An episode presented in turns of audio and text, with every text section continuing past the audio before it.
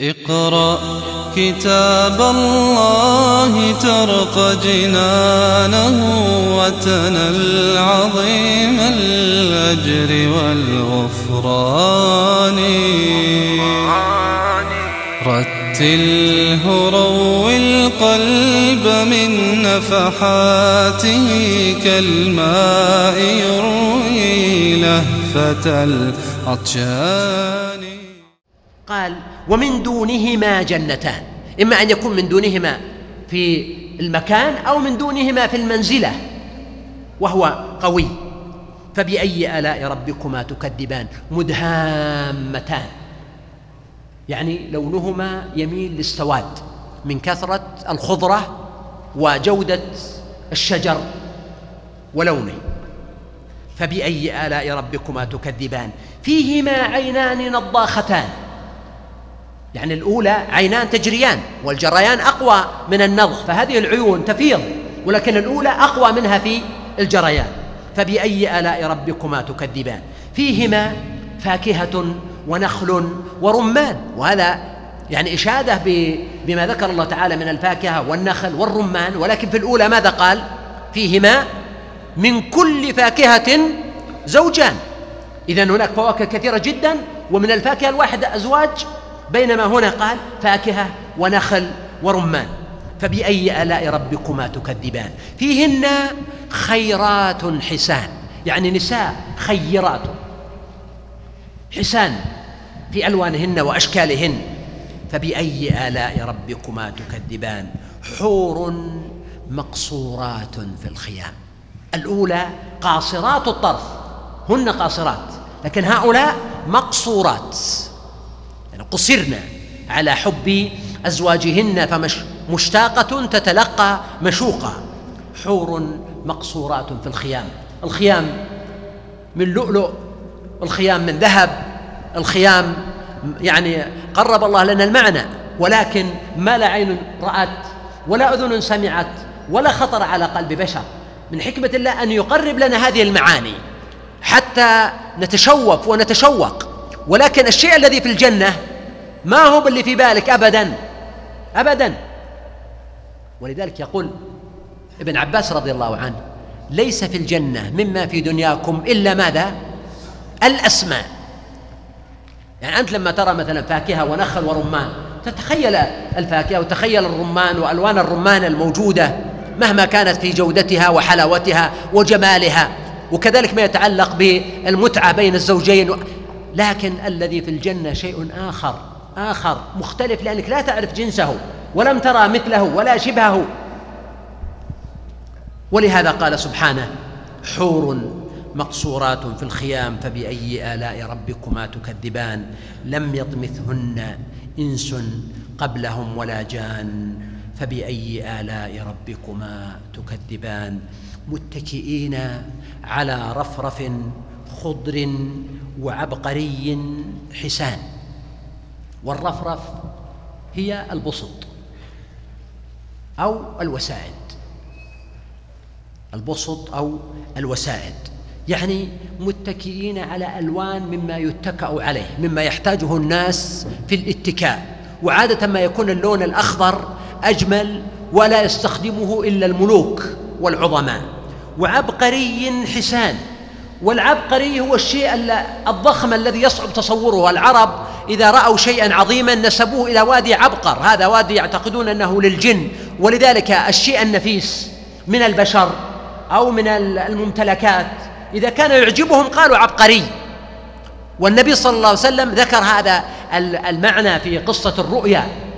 قال فلم أرى عبقريا يفري فريه.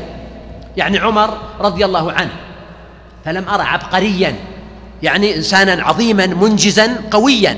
فقوله هنا وعبقري حسان يعني أنهم متكئين على أشياء من المتكئات والبسط والوسائد الحسنة الجميلة التي لا تخطر على بال. فبأي آلاء ربكما تكذبان؟ تبارك اسم ربك ذي الجلال والإكرام. وهكذا يختم هذه السورة. بذكر البركة من الله والبركة هي الخير الكثير العظيم. تبارك اسم ربك تبارك ربك وتبارك اسمه تباركت أسماؤه ولله الأسماء الحسنى. ومن أسمائه ذي الجلال والإكرام فله الجلال والعظمة والكبرياء وهو الذي يفيض الخير والفضل على عباده. فسبحان الذي هذا كلامه وهذا قوله وهذا وحيه. بسم الله الرحمن الرحيم. الحمد لله رب العالمين الرحمن الرحيم. مالك يوم الدين. وأزكى صلوات ربنا وسلامه على سيد المرسلين وقائد الغر المحجلين سيدنا وإمامنا محمد وعلى آله وأزواجه وأصحابه وأتباعه بإحسان إلى يوم الدين. وعليكم أيها المؤمنون والمؤمنات. وهذا جامع الشيخ محمد بن يحيى الجهيمي جزاه الله خيرا بالمدينة المنورة. وهذا درس ضمن دروس الدورة العلمية لهذه السنة 1431 للهجرة في تفسير سورة الذاريات في هذا اليوم أرى بين يدي والدنا ووالد الجميع الشيخ سليمان الجربوع وهو أحد عمد هذه المدينة المباركة والمعمرين الذين أرجو الله تعالى أن يجعلهم ممن يصدق عليهم قول النبي صلى الله عليه وآله وسلم خيركم من طال عمره وحسن عمله وأن يجمعنا وإياكم وإياه في جنات النعيم. عندنا في هذا اليوم تفسير سورة الواقعة وسنقسمها إلى قسمين. والواقعة هو اسمها الذي تعرف به في المصاحف وكتب التفسير والحديث والذي ورد في غير ما حديث عن النبي صلى الله عليه وآله وسلم منها الحديث المشهور أراك شبت يا رسول الله؟ قال شيبتني هود وأخواتها والواقعة وآل حاميم والحديث فيه مقال مشهور. وكذلك الحديث المروي أن عثمان رضي الله عنه زار عبد الله بن مسعود في مرض موته وقال له ألا ندعو لك الطبيب؟ قال الطبيب أمرضني. ف قال هل توصي لأهلك وبناتك بشيء؟ قال إني أوصيتهم بما سمعته من رسول الله صلى الله عليه وآله وسلم أنه من قرأ سورة الواقعة في كل ليلة لم تصبه فاقة. وهذا الحديث على تعدد طرقه إلا أنه لا يثبت ولا يصح. والواقع أن الفاقة إنما تدفع بالأسباب التي جعلها الله تعالى معروفة عند عباده بطلب الرزق والضرب في الأرض. كما قال سبحانه يضربون في الأرض يبتغون من فضل الله. فإذا قضيت الصلاة فانتشروا في الأرض وابتغوا من فضل الله. وكذلك الفاقة تدفع بالإحسان والإنفاق. فإن الله تعالى يقول في الحديث القدسي يا ابن آدم أنفق أنفق عليك. وهل جزاء الإحسان؟ إلا الإحسان. وقراءة القرآن تطلب للعلم وتطلب للعمل وتطلب للآخرة وتطلب للاعتبار ولغير ذلك من المعاني. فهذا الحديث الوارد في هذه المسألة لا يثبت إذن. وهي سورة مكية عند جمهور المفسرين وهو الراجح. واستثنى بعضهم آيات منها والراجح أن السورة كلها مكية. وعدد آياتها تسع وتسعون آية وهو الذي الموجود في المصاحف المدينة النبوية. وقيل سبع وتسعون آية أو ست وتسعون على اختلاف بين علماء العد. يستفتح الله تعالى هذه السورة بقوله سبحانه إذا وقعت الواقعة.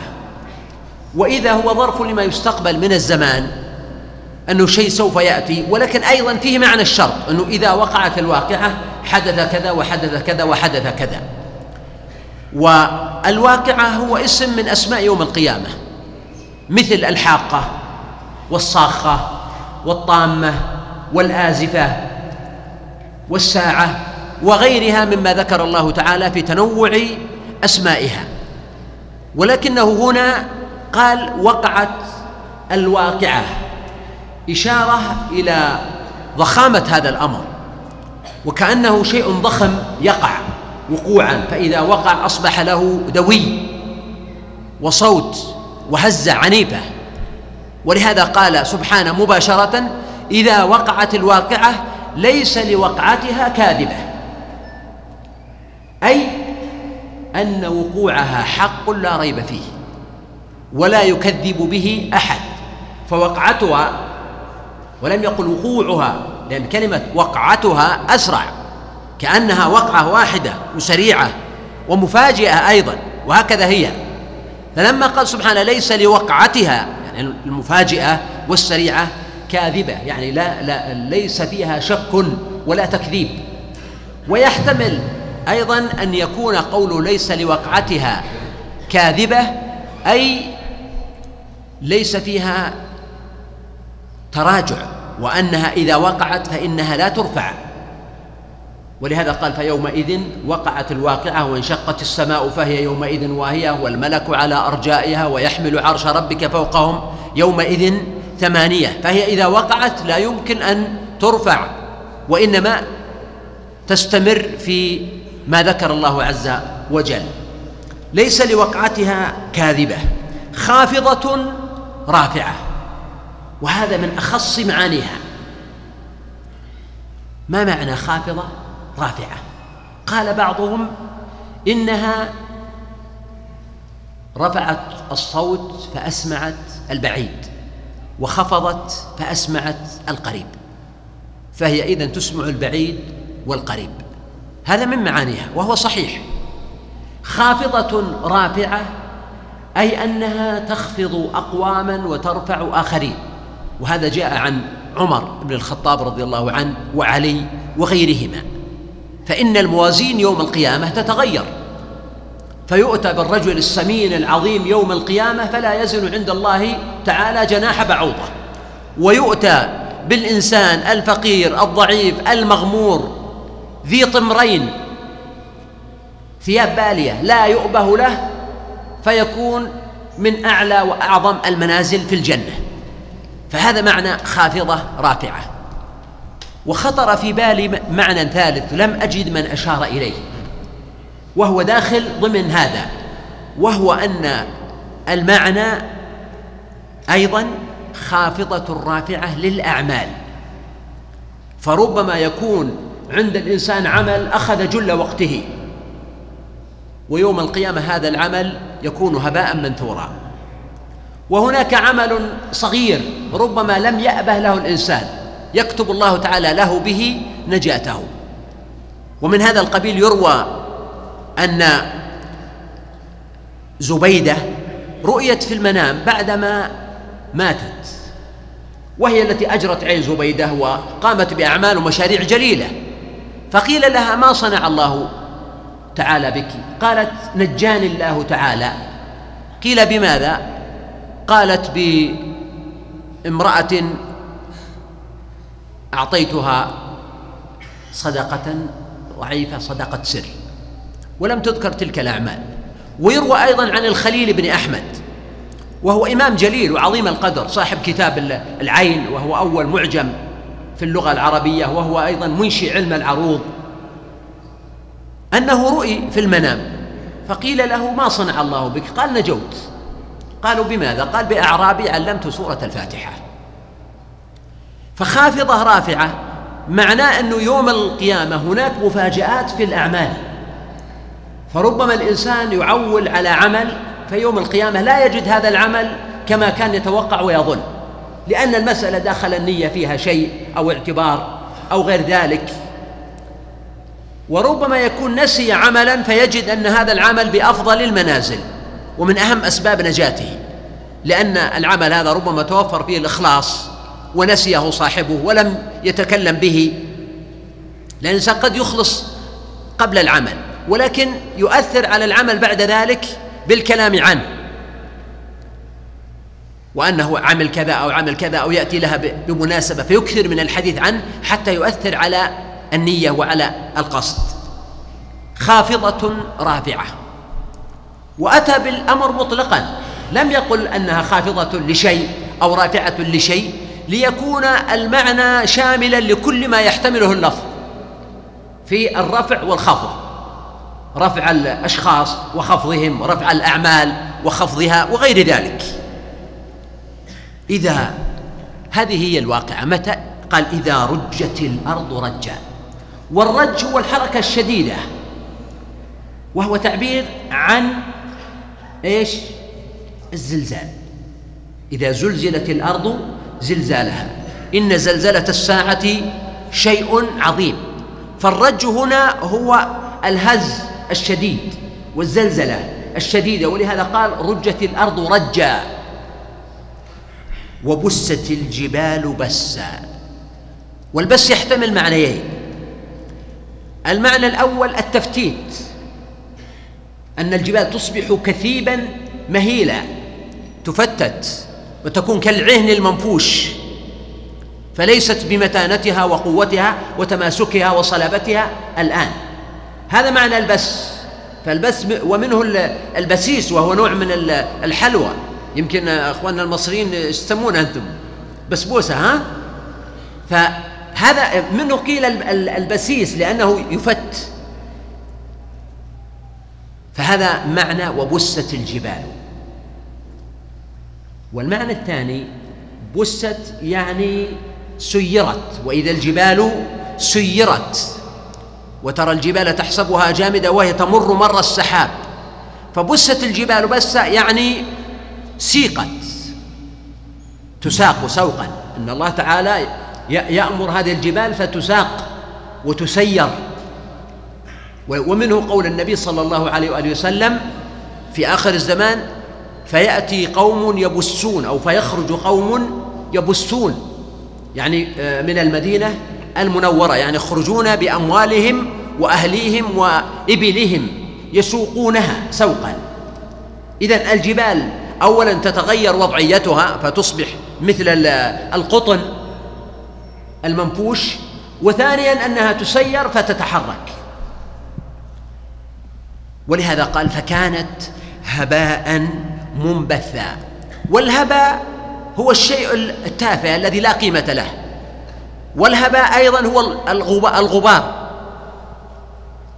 وقال بعضهم إن الهباء هو الغبار إذا تسلطت عليه أشعة الشمس فأصبح الإنسان يراه في الجو. يرى هذا العثير أو هذا الوهج المتطاير. الغبار هذا هو الهباء. فكانت هباء منبثا يعني منتشرا. وهذه المظاهر الكونية المراد فيها والمقصد هو الإنسان الذي هو محل التكليف. ولذلك الإنسان يشاهد هذا الأمر من زوال السماء وتشققها والأرض وتغيرها والجبال. وما حوله والزلزلة ويدري أن كل هذه الأشياء المقصود الأخير فيها هو نفسه. اقرأ كتاب الله ترق جنانه وتنل عظيم الأجر والغفران. رتله روي القلب من نفحاته كالماء يروي لهفة العطشان.